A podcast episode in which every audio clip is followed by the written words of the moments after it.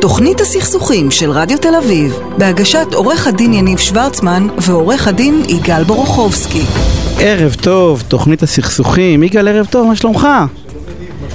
בסדר גמור. רגע, עכשיו אני, שתגידי, אנחנו... שלום, או, שלום יניב, עכשיו שומעים? אותך, אתה יודע, כי כן, ביקשת כן. שירימו אותך, מורידים, זה בהפוך על הפוך.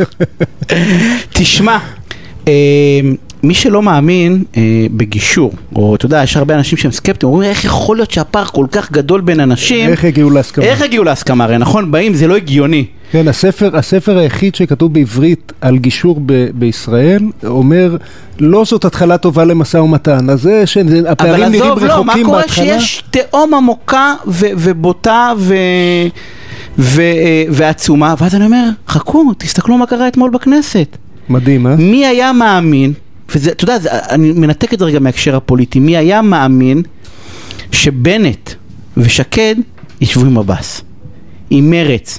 החיבור שם הוא כל כך, עכשיו זה לא משנה למה, אתה יודע, בסוף בגישור שאנחנו מגיעים לאיזשהו הסכם, ש, שאותה אותה, אותה קבוצה של אנשים רוצה בו והוא הסכם טוב, החיבור הזה הוא חיבור דרך אגב מדהים, אני חושב שהממשלה הספציפית הזאת היא דוגמה קלאסית, שיש אינטרסים משותפים לכולם, גם תהום, אה, אתה יודע, תפיסתית, אה, זה באמת היה לפני שלושה חודשים, ארבעה חודשים, זה היה בלתי נתפס. בכלל, עצם המחשבה אה, שיחברו בין מרץ לבנט, ל, ל, לעבודה, ל, לליברמן, ל, ל, אתה יודע, יושבים שם אנשים כאילו מכל הקצוות, זה בעיניי מעשה גישור מושלם. אני לא יודע מי המגשר דרך אגב, אבל זה מעשה גישור מושלם. אני, אני רוצה לקחת את זה מהזווית הפוליטית, זה לא חשוב אם אתה מסכים עם uh, הממשלה הזאת או, או שאתה תומך בביבי, uh, זה חשוב ל- לראות את הפערים בין הצדדים ובכל זאת הגיעו להסכמה. אז המון פעמים בחיים, בעיצומו של סכסוך, ההסכמה נראית לנו בלתי אפשרית. בלתי נתפסת. אנחנו בדרך כלל גם אומרים, זה לא באשמתנו, אנחנו נהדרים, רק הצד השני, הוא אין עם מי לדבר. והממשלה הזאת היא, היא, דוגמה לא רעה, אם אתה נתקל בחיים במשהו שנראה לך בלתי אפשרי להגיע בו להסכמה, תיזכר שמרץ חגגו כשבנט נהיה ראש ממשלה, תשמע, אני לא יכול להגיד את זה בלי לצחוק, מרץ חגגו כשבנט נהיה ראש ממשלה, סימן שאפשר לגשר גם על פערים שאי אפשר לגשר עליהם, ואני אתן לך עוד רמז, אה, אה, אה, שאלת מי המגשרים, אז אני לא אנקוב בשמות, אבל העובדה שהיה כמה כוחות נשיים שניהלו את המשא ומתן, אה, אה, הייתה חלק אה, משמעותי אז בעצם אתה אומר מההצלחה שאתה שלו. ואני צריכים או לעשות ניתוח לשינוי מין, או להעביר את השרביט למגשרות. אני חושב שלמגשרות יש יתרון אדיר, כן. יתרון אדיר. אז באמת, זה מעשה גישור, באמת, אתה יודע, אנחנו מדברים אם זה יעבוד או לא יעבוד. בעיניי, אבל דרך אתה יודע אגב, מה, אני, אני, אני חושב שחשוב להגיד עוד משהו, זה, ו, וגם הוא רלוונטי מאוד לחיים שלנו. כולם עכשיו, ראיתי אתמול חיבוקים ו... ו ראיתי דברים אחרים. אבל וחיוכים אחד, גדולים ב- בקרב אלה מהממשלה, כן, חיבוקים וחיוכים גדולים, וזה טבעי לחתימת ההסכם, אבל צריך לזכור שהסכם מהסוג הזה, החתימה היא רק התחלה.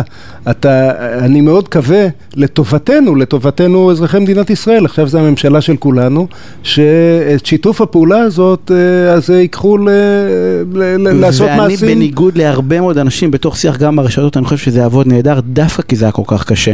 ודווקא כי כולם יודעים את הפערים. זה כמו הסכם גישור שנורא נורא קשה, אבל כבר שהגעת אליו, אז אתה יודע שזה יעבוד, כי אחרת זה לא היינו מגיעים, אז בעיניי זה... ימים יגידו. לגמרי. אני, אז- אני מקווה לטובת כולנו שאתה צודק והם יצליחו להועיל למדינת ישראל. ואתה יודע משהו עוד משפט אחד, כי אנחנו נתחיל ממש תכף, אני, אני הרבה יותר מקווה שמעבר לזה שהם יצליחו שזה, שזה יהיה מדהים בעיניי, אני מקווה שמה שהיה אתמול בכנסת לא יחזור.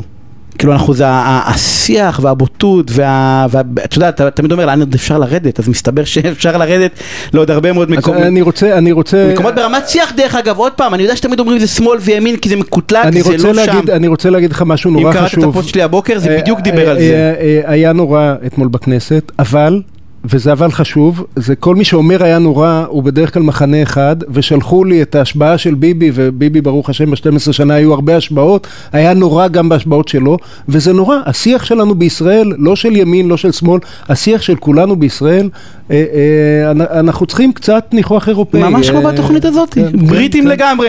והנה אנחנו מתחילים. תוכנית הסכסוכים של רדיו תל אביב, בהגשת עורך הדין יניב שוורצמן ועורך הדין יגאל בורוכובסקי. ולפני שאנחנו מתחילים, אני רוצה להודות לאיתן בלכטר שנמצא איתנו על התפעול הטכני, לענבר סולומון שעורכת ומפיקה, ולאייל טל שאחראי על אה, להפקה של המומחים פה, אה, של הבאת המומחים המעניינים, ואני רוצה להגיד ערב טוב לעורך דין גלעד נרקיס, מייצג לקוחות ותאגידים מול המערכת הבנקאית והחוץ-בנקאית, מחבר הספרים חוק אשראי הוגן, ופרקים בדיני בנקאות. גלעד, ערב טוב, מעניינים. ערב טוב. וראש אה, פורום, הגישו, פורום הבנקאות הארצי של לשכת עורכי הדין. זה הוא לא כתב לי, אתה מבין שזה לא פחות חשוב.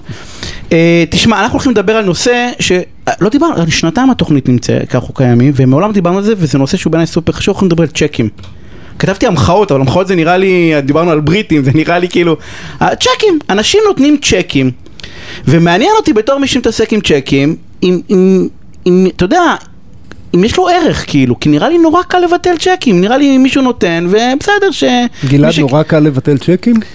אז זהו, שבכלל לא קל לבטל צ'קים, וכעיקרון אנחנו צריכים רק להבין מה זה בעצם צ'ק. צ'ק זה בעצם מכתב שאני כותב לבנק שלי, שאני מבקש ממנו לשלם את הכסף אה, לצד אה, מסוים, לצד שאני בעצם קניתי ממנו שירות, צרכתי ממנו שירות, ולא קל לבטל צ'קים. למה לא?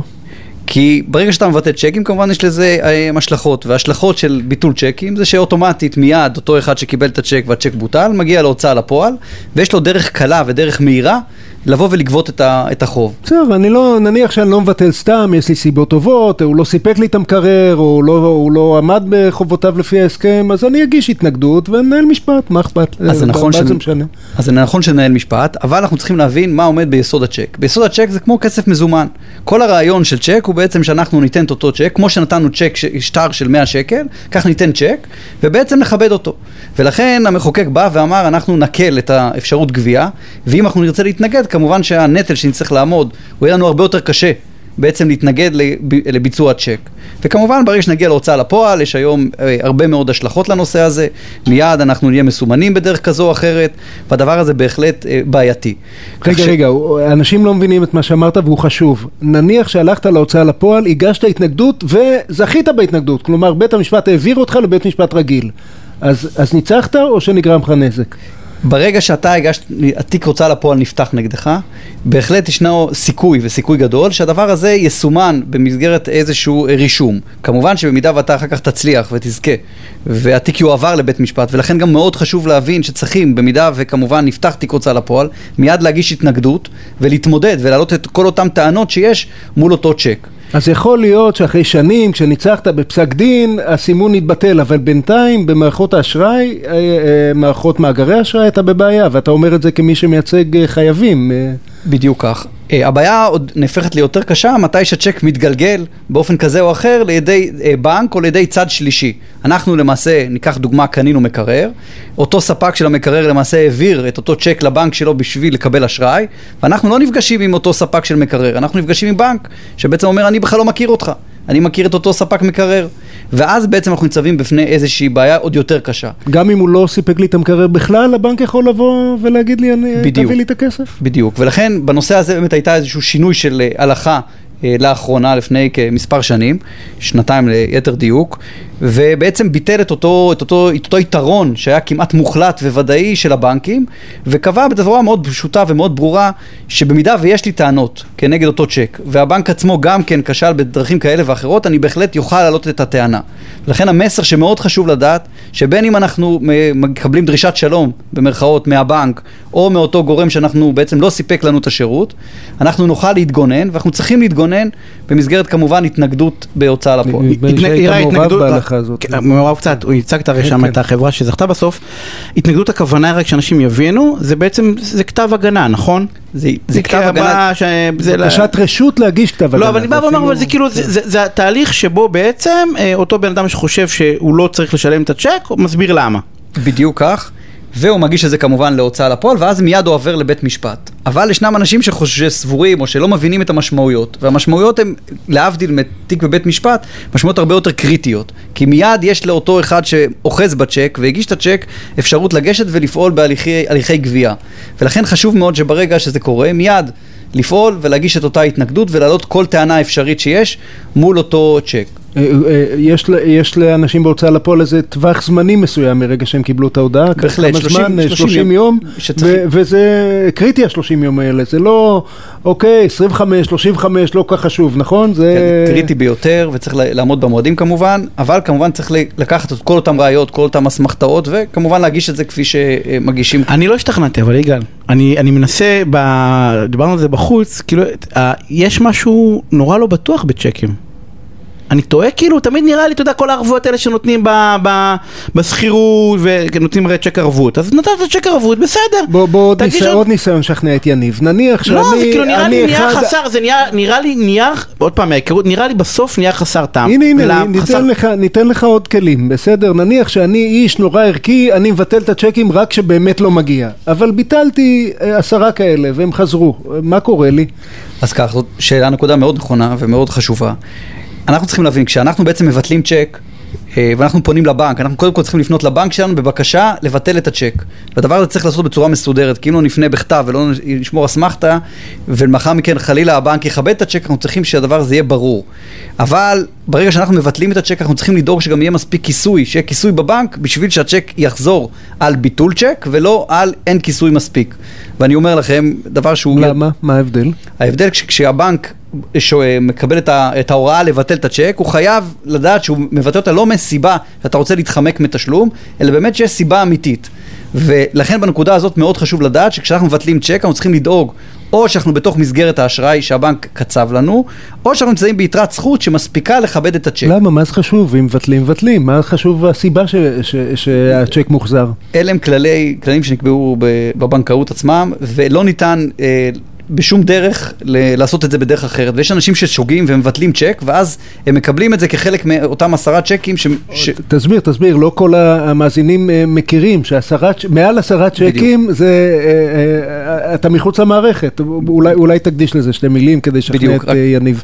בדיוק. כשחוזרים לאדם או לחברה או לעשרה צ'קים, למעשה החשבון הופך להיות מוגבל. ברגע שהחשבון הופך להיות מוגבל, ישנם הרבה מאוד סנקציות. כמו לדוגמה, אי אפשר להמשיך לעבוד, הרישום, ה- רישום האשראי שלך נפגע, ואתה צריך אז לרוץ לבית משפט בבקשה, בערעור על אותה הגבלה, ולבקש לגרוע צ'קים. והרבה פעמים זה לא עובד. אה, כן, בהחלט. עכשיו, אתה, אסור לך חלילה וחס להגיע למצב כזה שחוזרים, במיוחד היום, לאור כל הדגש שניתן על חוק נתוני אשראי. מאגרי אשראי, נתוני אשראי, המידע שלך חשוף. דרך אגב, אבל זה במ- במידה ואין לי, אה, יש לי הגבלת, הגבלה, אק"מ, בסדר, הגבלה בחשבון, נכון אבל- שאין לי כסף, אבל אם אין לי, יגאל אמר הוא איש ישר, והוא בא ואומר, אני, הבעל דירה שלי רוצה סתם אה, אה, להציג, ורוצה לקחת את הכסף למרות שלא מגיע לו, ואני, ואני אבטל ושיחפש אותי.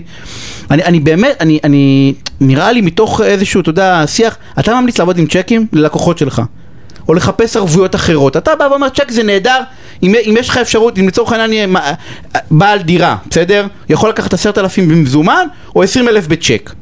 ברור שעדיף מזומן, על זה אין ספק. אבל- לא, גם ביחס הזה, אבל בכוונה אמרתי, עשרת אלפים מזומן או עשרים אלף בצ'ק. כל מקרה לגופו, אבל צ'ק הוא עדיין ביטחון הרבה יותר טוב מאשר אה, חתימה על הסכם.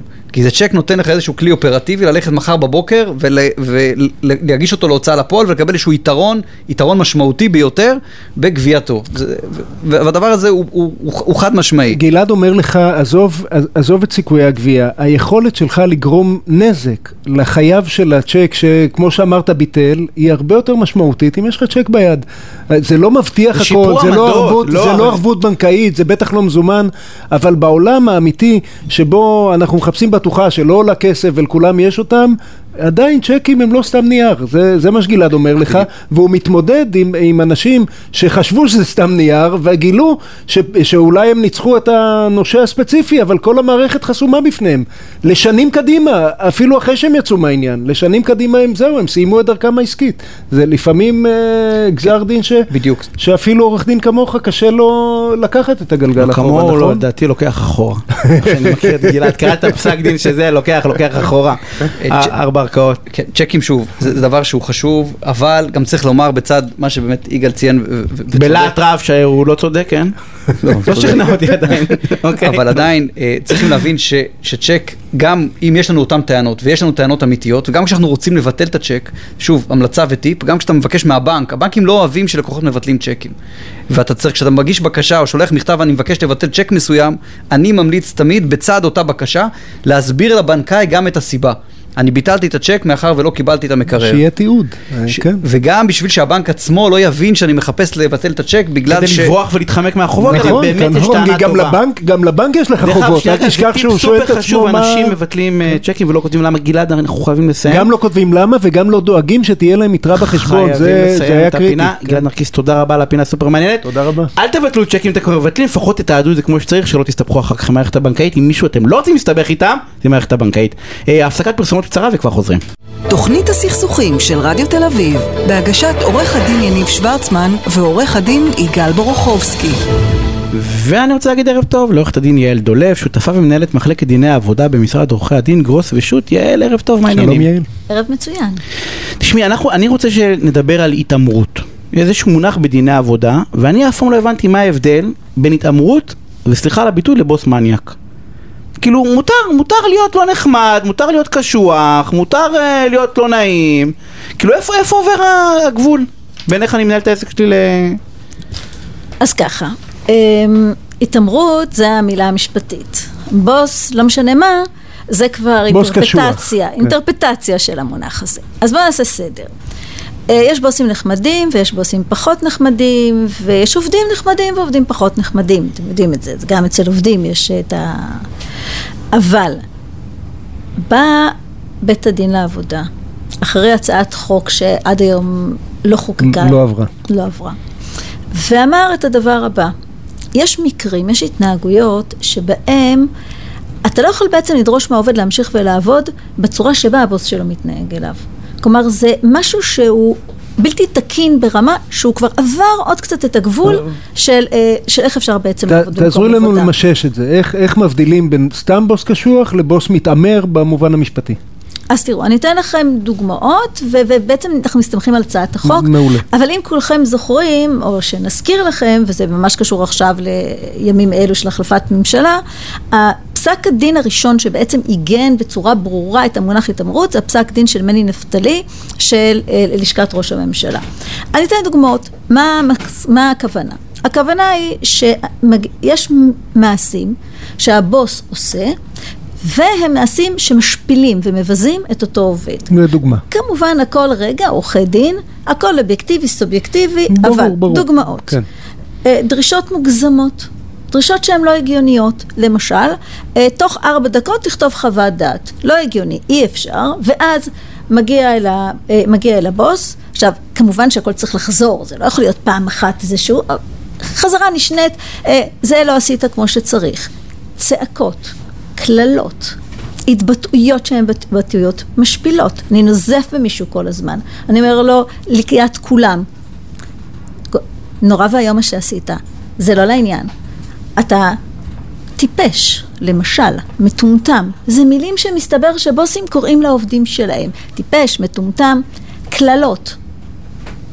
אחרי יניב אני לא חוזרת. טוב, אז נניח שצעקות, קללות וטיפש מטומטם בפני כולם, זה דוגמאות שקל להבין. נמשיך. אה, אה, אה, נמשיך. יש דוגמאות שככה בוס אני דרך חושב אגב, שהוא... אני דווקא- אני ש- שומע את זה, ובעצם אני רואה את משחקי השף בערוץ 13, ונראה לי כל מי שעובד במסעדה הוא בברירת מחדל כמעט של התעמרות בבית קבע, בתוך המטבח. אז ממש לא נורא שזה ישתנה. כלומר, הרעיון הוא שלעובד יש את הזכות לבוא למקום עבודה ושינהגו בו בכבוד.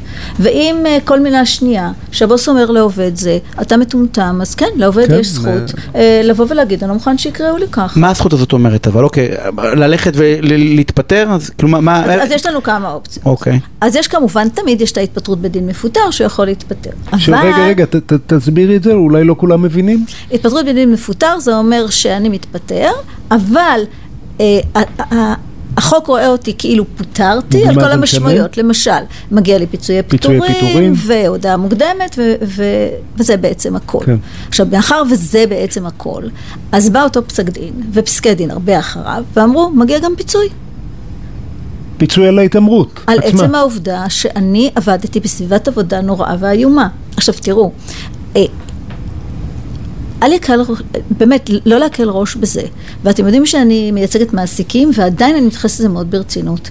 מסתבר שאנשים נושאים טראומות שנים, שנים אחרי שהם הפסיקו לעבוד במקום עבודה, רק בגלל שהבוסים שלהם התעמרו בהם. רק בגלל זה. ויש הרבה מאוד מחקרים על זה. עכשיו, אה, כמובן שבית הדין לעבודה בפסיקות שלו אין סכומים מאוד מאוד גבוהים, מני נפתלי קיבל 80 אלף שקל, אנחנו מדברים על עשרות אלפי שקלים, זאת אומרת אין פה עדיין, אנחנו לא בארצות הברית שיש פה מיליונים. בארצות הברית... אה, זה פיצוי עונשי, אין פיצוי עונשי הרי. בארץ, אז אין... אה, גם, גם על הטרדה אגב, הסכומים הם לא מאוד מאוד גבוהים, זאת אומרת, הטרדה מינית. הטרדה מינית. כן. אבל אה, כן ה- ה- הרעיון שאי אפשר להתעמר בעובד אה, התחיל לחלחל למקומות עבודה. עכשיו אני אתן לכם עוד קצת דוגמאות רק לסבר על האוזן, כי, כי כן, אמרנו זה יש את הדברים. הברורים והדברים הפחות ברורים. אבל למשל אה, מישהו שמעסיק שבאופן תמידי אומר לעובד אה, תעבוד שעות נוספות, כל היום תעבוד עוד שעות ועוד שעות ועוד שעות. או, או למשל... אה, גם, גם, אם זה, גם אם הוא משלם על השעות הנוספות, גם אם זה לא עובר את הגבול אה, נכון, המקסימלי נכון, בחוק, נכון. עדיין אה, אה, הציפייה של בית הדין לעבודה היא שעובד יעבוד ו- וכמובן זה, זה, זה כדרישה, זאת אומרת, אני יודע שיש פה אבא לילדים קטנים, ולמרות זאת, כל יום אני משאיר אותו עד מאוחר, כדי שלא יהיה מצב שהוא ועל זה. נפסק, נפסקו עשרות אלפי שקלים כפיצויי אה, התעמרות? קצת פחות מעשרות אלפי שקלים. או למשל, או למשל, אה, אה, לייחס עבודה של עובד למישהו אחר. זאת אומרת, אה, לצורך העניין עובד כתב. עכשיו, זה לא כמו שלצורך, נגיד, עורך דין אה, זוטר כותב משהו ועורך דין הבכיר חותם. זאת אומרת, אנחנו מדברים על זה שממש אתה מנכס לעצמך את העבודה של, של אותו עובד. לא לתת קרדיט ל- אה, לפירות לא, עבודתו. ולחלוטין קרדיט. כן, עכשיו, למחוק, מה שמעניין, למחוק אותו בעצם. עכשיו, מה שמעניין, בכ- מה שמעניין בכל הדבר הזה, זאת אומרת, דיברנו רק על הבוס, אבל גם אם, גם יש עילת תביעה של עובד מול עובד. זאת אומרת, אם למשל יש תופעת החרם, שזו תופעה שקורית במקומות עבודה. בצוותי עבודה. בצוותי מחרימים את העובד, אחד מחרימים העובדים. את אחד העובדים. גם זה הוא במסגרת הצעת החוק ו- ופסיקות של בית הדין לעבודה, מהווה בעצם התעמרות. זאת גם, אומרת, גם זה אם לא זה רק לא הבוס. יוזמה של הבוס, גם אם זה לא יוזמה של החברה, עדיין ל- לחברה יש זכות אחריות, יש לא, אחריות. לא, זכות ל- תביעה מול העובד, מול העובד המחרים. כן. ומול אה, החברה, מול העובד עצמו. המחרים.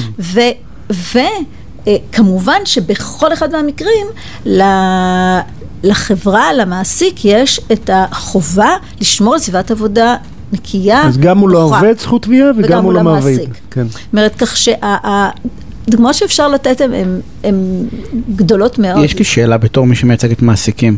אני לא, זה לא הפך לתעשייה? כי אני, אני מתרשם, אני סתם חושב כבר על הזה. בעצם זה סייף סל כזה, שבסדר, נכון שצריך להיות קבוע, אני מבין שצריך להיות קבוע, אבל כל פעם שאני עובד במקום לא נעים, אני אקרא לזה, כמעט בשיטת מצליח יש הרי עורכי דין בשפע. אה, כמעט בכל תחום, לא, את- בתחושה שלך כמי שמייצגת, לא, לא, זה לא נהיה תעשייה? אז, אז אני אגיד לך איפה התעשייה ואיפה בעצם אנחנו רואים את ה... אה, נקרא לזה הניצול מצד העובד. זאת אומרת, עובד עבד כל חייו, הכל היה בסדר, עכשיו הוא מפוטר, ואז כשהוא מוזמן לשימוע, הוא נזכר לפתע פתאום שהת, ש, שהוא התעמרו בו במהלך כל תקופת העבודה. עכשיו, למה הפטנט הזה הוא טוב? כי מה בעצם אומרת הפסיקה? אין לנו חוק, אבל אנחנו אה, לוקחים את המנגנון מאוד דומה לחוק למניעת הטרדה מינית. מה אומרת הפסיקה? אם עובד יתלונן, מה המעסיק צריך לעשות? תבדוק. לבדוק. ואז אנחנו עושים בדיקה, ואז הכל מתחיל לקבל משמעויות אחרות, ואז פתאום אנחנו מגלים כי באמת היה שלוש פעמים שהוא צרח עליו לעיני כל, ואז הטענה היא, הוא מפטר אותי כי בעצם אני התלוננתי, כי בעצם אני אמרתי, זאת כל הסיפור הופך להיות סיפור הרבה הרבה יותר מורכב. אבל אני כן דווקא רוצה לעשות פה איזשהו איזון, למרות היותי מייצגת מעסיקים. יש באמת מקרים, אני, אני אומרת לכם, שלפעמים ממש אפילו ליבי שלי נחמר על אותו עובד. אפילו, שעובד- כן. אפילו. אה, כי באמת מדובר ב- בסיטואציה בלתי אפשרית. סיטואציה בלתי אפשרית. תחשבו על זה שבן אדם מגיע לעבודה וכל הזמן הבוס שלו יורד לחייו. ו- והוא צריך ככה... הוא הוא צריך ככה לקום כל יום בבוקר. אבל למה הוא לא עוזב? בתחושה שלך זה כמו הטרדה מינית, זה כאילו, לפעמים אין לו אתה, ברירה. אתה נפגע, אני, אני אגיד לך... לפעמים אין לו ברירה. אני- בדיוק ראיתי היום איזושהי תשובה של מישהו בא ואומר, אנחנו לא בימי עבדות, קום ולך, לא, מה לא, זה, לא, תמצא אבל עבודה אחרת. יניב, תקשיב, זה, זה, זה לא ככה, זה לא ככה. יש משהו, יש משהו בעובד המוטרד, ה- ה- מי שעובד את ההת- עובר את ההתעמרות האמיתית, אני קוראת לזה, מי שמתעמר, מי שמטריד, בעיניי זה סוג של אלימות. זה פשוט סוג של אלימות. זה כמו שתשאל למה אישה מוכה נשארת, זה, זה בסוף, אתה, אתה מתעמר בעובד החלש, בדרך כלל. מלא יוצא דופן, אבל בדרך כלל אתה מתעמר בעובד החלש, במי שאתה יכול להתעמר בו. אתה לא מתעמר במי שהוא עונה לך מנהל ואז הפיתוח. מנהל הפיתוח של אה, המוצר החדש בחברת הייטק, מן הסתם כנראה לא מתעמרים בו. כן.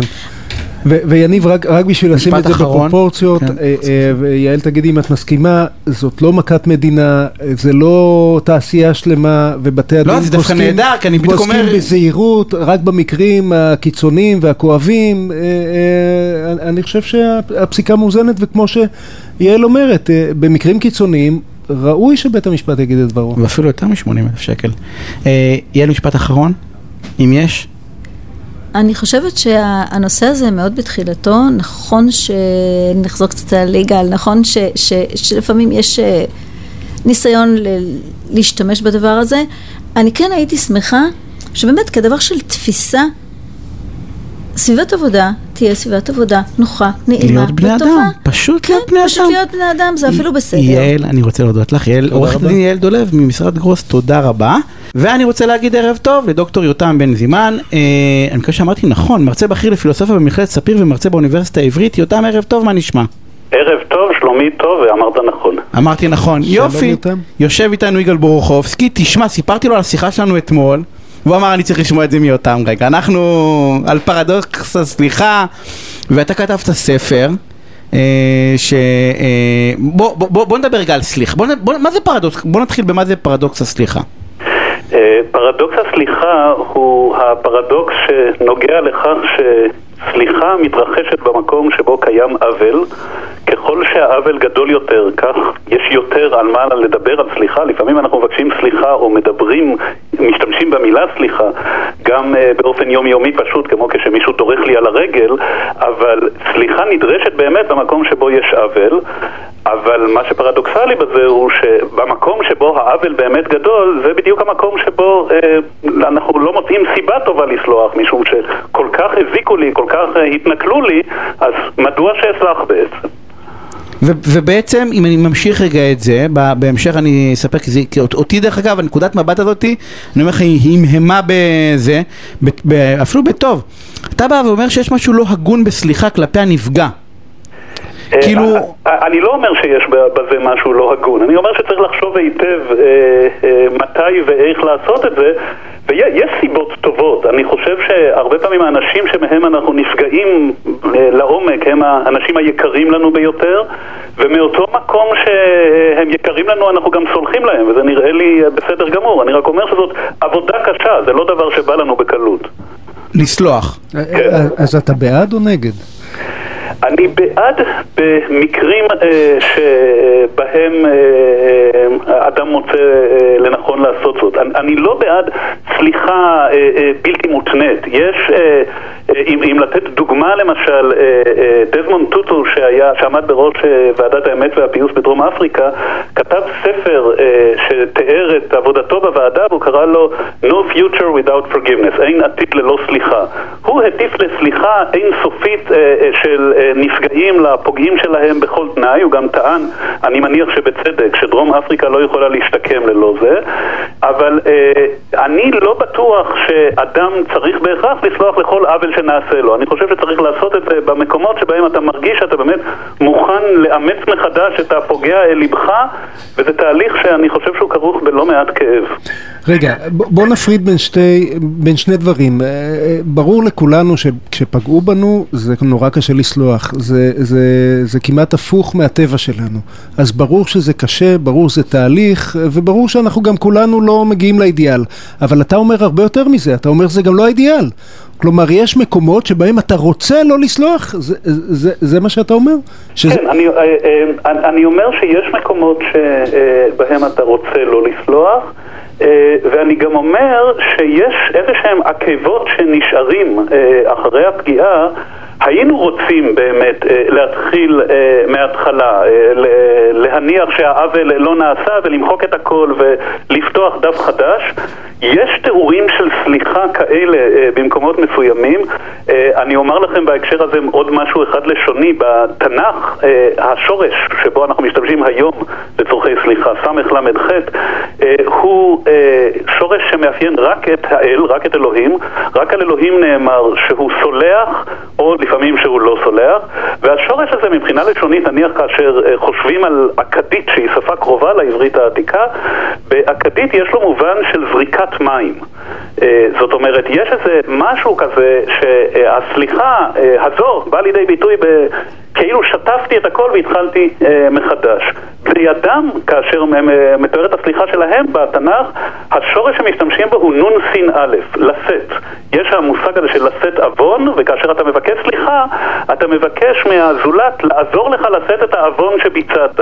ואני חושב שהנסיעה הזאת כרוכה במשא ומתן על העוול הזה. זאת אומרת, אתה לא מוחק אותו, אתה צריך לדבר אותו. והדיבור הזה, יש בו גם כאב. אני גם חושב שהוא מרפא בסופו של דבר. אני לא שולל את הסליחה, אני רק אומר שהיא מאוד מורכבת. דרך אגב, אנחנו מסכימים. אני- אני דרך אגב את האקט שהוא אמר עכשיו, אני עשיתי את הפרשנות כנראה, ואמרתי שהוא לא הגון. כי אני בתור זה שמבקש סליחה בא ואומר לך, תקשיב, אני פגעתי בך, עכשיו אני אזרוק עליך את הסליחה שלי, וכאילו אתה תחליט אם לקבל או לא לקבל את זה, בסדר? אם בא לך לקחת את השותפות בכאב שלי, קדימה, ואם לא, אז ביקשתי.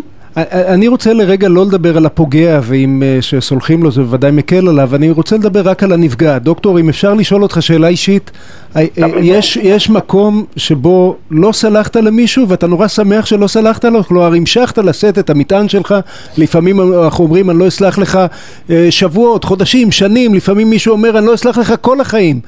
זה, זה הועיל לך? אתה מרגיש שזה הועיל לך במקומות שבהם כאידיאל לא סלחת למישהו? אה, אני לא יכול לתאר לך איזושהי חוויה אישית כזו, אני אה, אה, נאלץ, זה לא נאלץ, זה נחמד, לומר שחיי לא היו בהם כל כך הרבה מטענים קשים עם, עם אנשים, אני שמח להיות בקשר טוב עם אנשים. אני סולח לך על זה. תודה. אני אבל חושב שיש ללא ספק מקומות שבהם אנחנו אה, אה, עושים את זה, זאת אומרת, אנחנו נושאים את המטען הזה. אני לא בטוח ש, שקל לעשות את זה, ואני חושב שיש באמת פיתוי.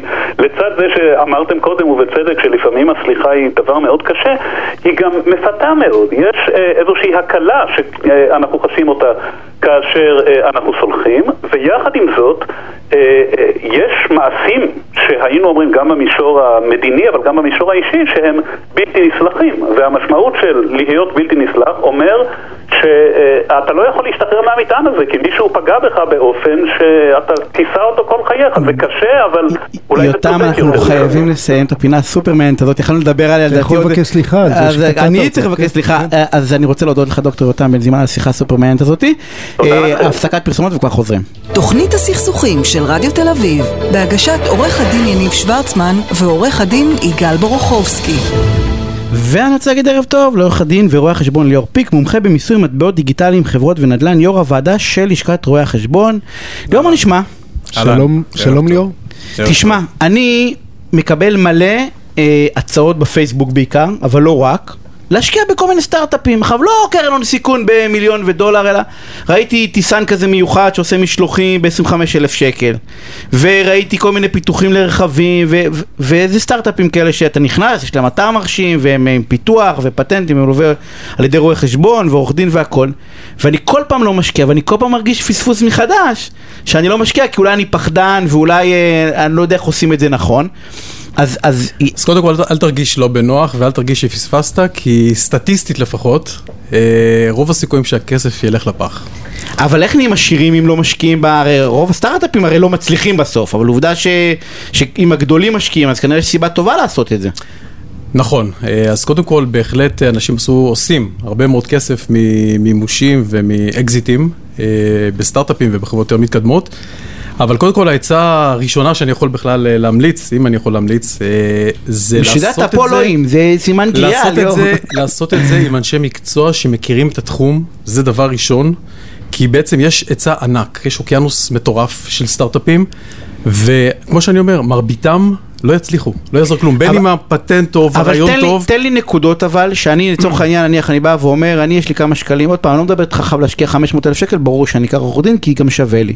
אבל אני אומר, באמת, אני מקבל, אני יכול אחרי זה למצוא לך, אה, אומרים לי בוא תצטרף לאיזה קבוצה כזאת של השקעה בכל הגיוס המונים, זה בעיקר בגיוסי, נכון, כל מיני גיוסי המונים, אומרים לי בוא תצטרף, ובכל זאת 25 אלף שקל זה לא הרבה, אבל זה כסף, זה כסף, איך אני בא ואומר, אני אתחיל לקחת את ליאור וטיגל, אני שילמתי 25 אלף שקל בלי שנכנסתי עוד לאירוע. קודם כל זה מבורך, אם תיקח אותנו אז ותשלם זה מבורך. אז זה ברור לי לגמרי, אבל אני רוצה לחסוך למאזינים כסף, מה הנקודות, מה אני צריך לשים לב כאילו בדבר אז הזה, קודם כל, אז כמה דברים. קודם? כל, באמת יש כמה פלטפורמות מובילות, אחד מהם זה Exit Valley, ויש עוד כמה חברות כאלה מובילות למימון המונים, אה, ושווה להשקיע דרכם, ולא סתם ככה לפנות ישירות, מכמה סיבות. כי בעצם, אה, ברגע שזה, שהחברה עוברת את התהליך של אותה פלטפורמה, אז סביר להניח שזו חברה קצת יותר מסודרת, אה, אה, יש מי שמפקח, יש איזשהו, אה, זה עובר איזשהו סינון, זה דבר ראשון. דבר שני אה, דבר ראשון, אתה בא ואומר, הפלטפורמה שדרכה אני בהחלט, הם לא מגייס, מקבלים כל אחד. אז אני לא- חייב לבחור פלטפורמה ששמעתי עליה, לצורך העניין מי שמפרסם בפייסבוק עושה מימון אישי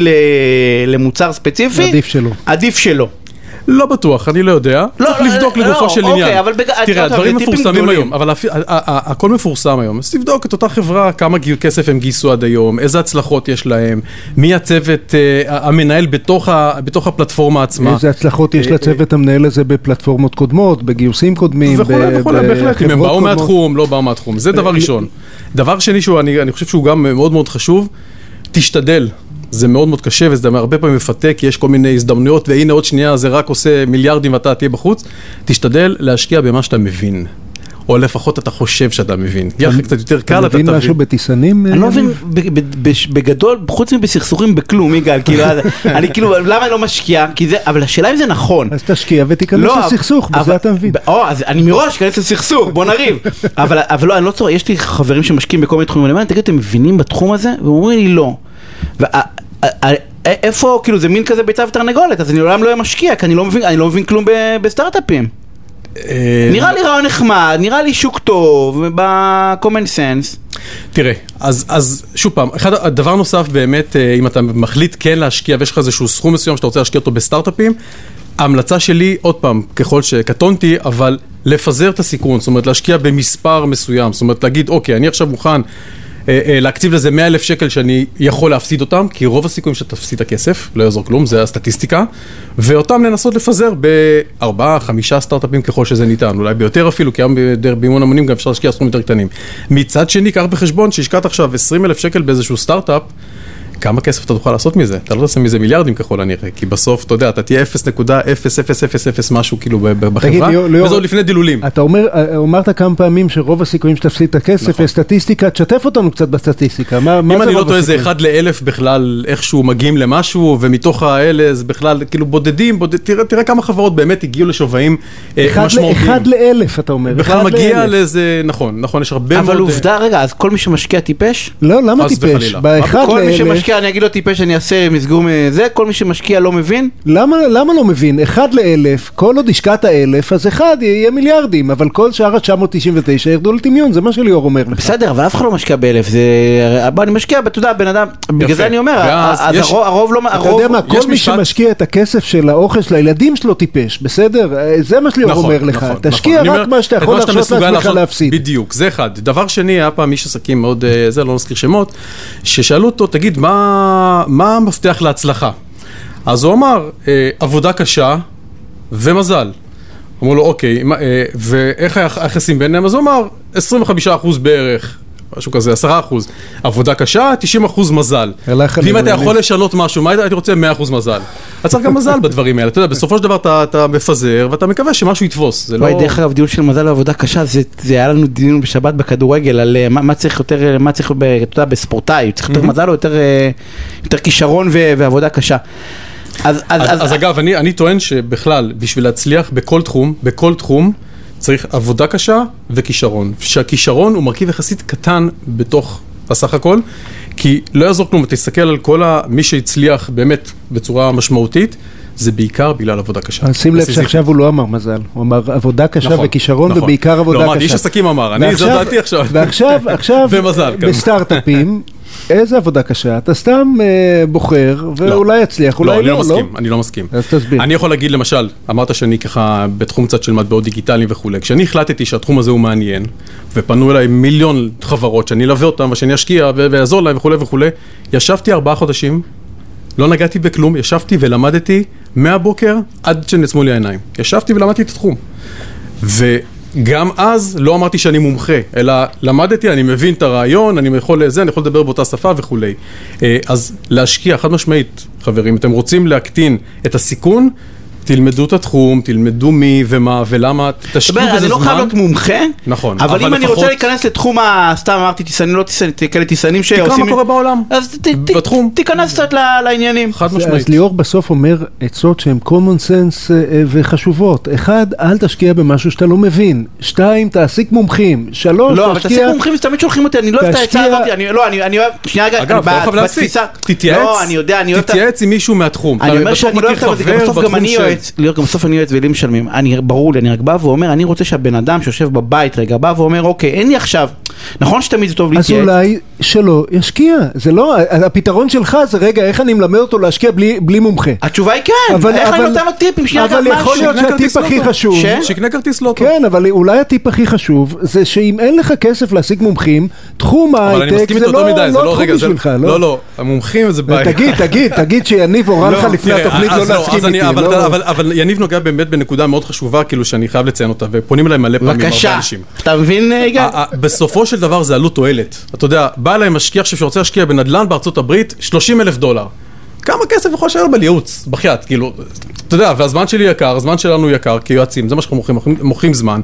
הוא לא יכול להשקיע עכשיו יותר מדי אה, זה, אז... ו- אז- ויש אז- סיכוי טוב שלמשקיע כזה בנדל"ן בארצות הברית של 30 אלף דולר, העצה הטובה תהיה, שמע, אולי לא כדאי, אולי לא כדאי להשקיע בארצות הברית, כי כל דבר שישתבש... לא, זה אני חולק עליך. כל דבר לא, ש- להשקיע אז מה. שאתה בא אוי, ואומר שרק עשירים בעצם, לא, חס וחלילה, כן, כי רק מי שיש לו 200 אלף דולר אז הוא יכול לקחת את יגאל לא, אומר- ולעשות כסף, אבל אם אני משקיע קטן שבא קודם כל לי עדיף להיות עשיר משהו ובריא מעני אז. אפשר זה- זה- להשקיע זה. בדירה בבאר שבע, לא חייבים להגיע אה?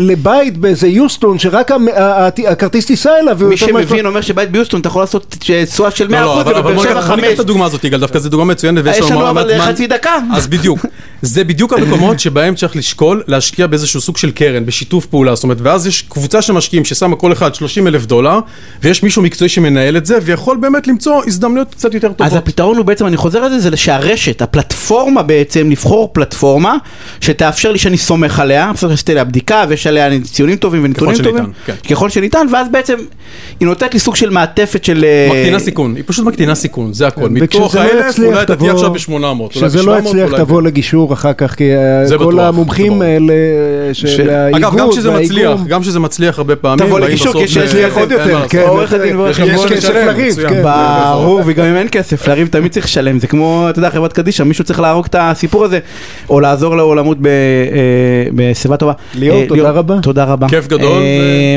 אנחנו אנחנו מסיימים, דרך אגב, התוכנית, דיברנו היום על הרבה נושאים שלא דיברנו עליהם מעולם, יגאל, גם על המחאות בהתחלה עם גלעד נרקיס, כל נושא הצ'קים, הוא בעיניי, אתה יודע, אני, אני משתמש במלא צ'קים, ואף פעם, אה, ואני עדיין חושב שזה שטר שהוא אה, כלום, ועל ההתעמרות, ועכשיו על, ה, על הסטארט-אפים, על איך להשקיע, לראות את הפרסומות, אה, ועל סליחה. סליחה. כן, אז אני מצטער שאנחנו צריכים לסיים את התוכנית, אה, אבל אנחנו אני ניפגש, סולח לך. אנחנו ניפגש, אני שמח שאתה עם הנטל, אנחנו ניפגש שבוע הבא ביום שני, אה, בשעה שמונה אה, כאן, יהיה מעניין כרגיל, אני רוצה להודות אה, כ- כמובן לאיתן אה, בלכטר, התפעול הטכני, ענבר סולומון שערכה והפיקה, ענבר תודה, ולאייל אייל טל, בוודאי, כן, שאחראי על כל המומחים?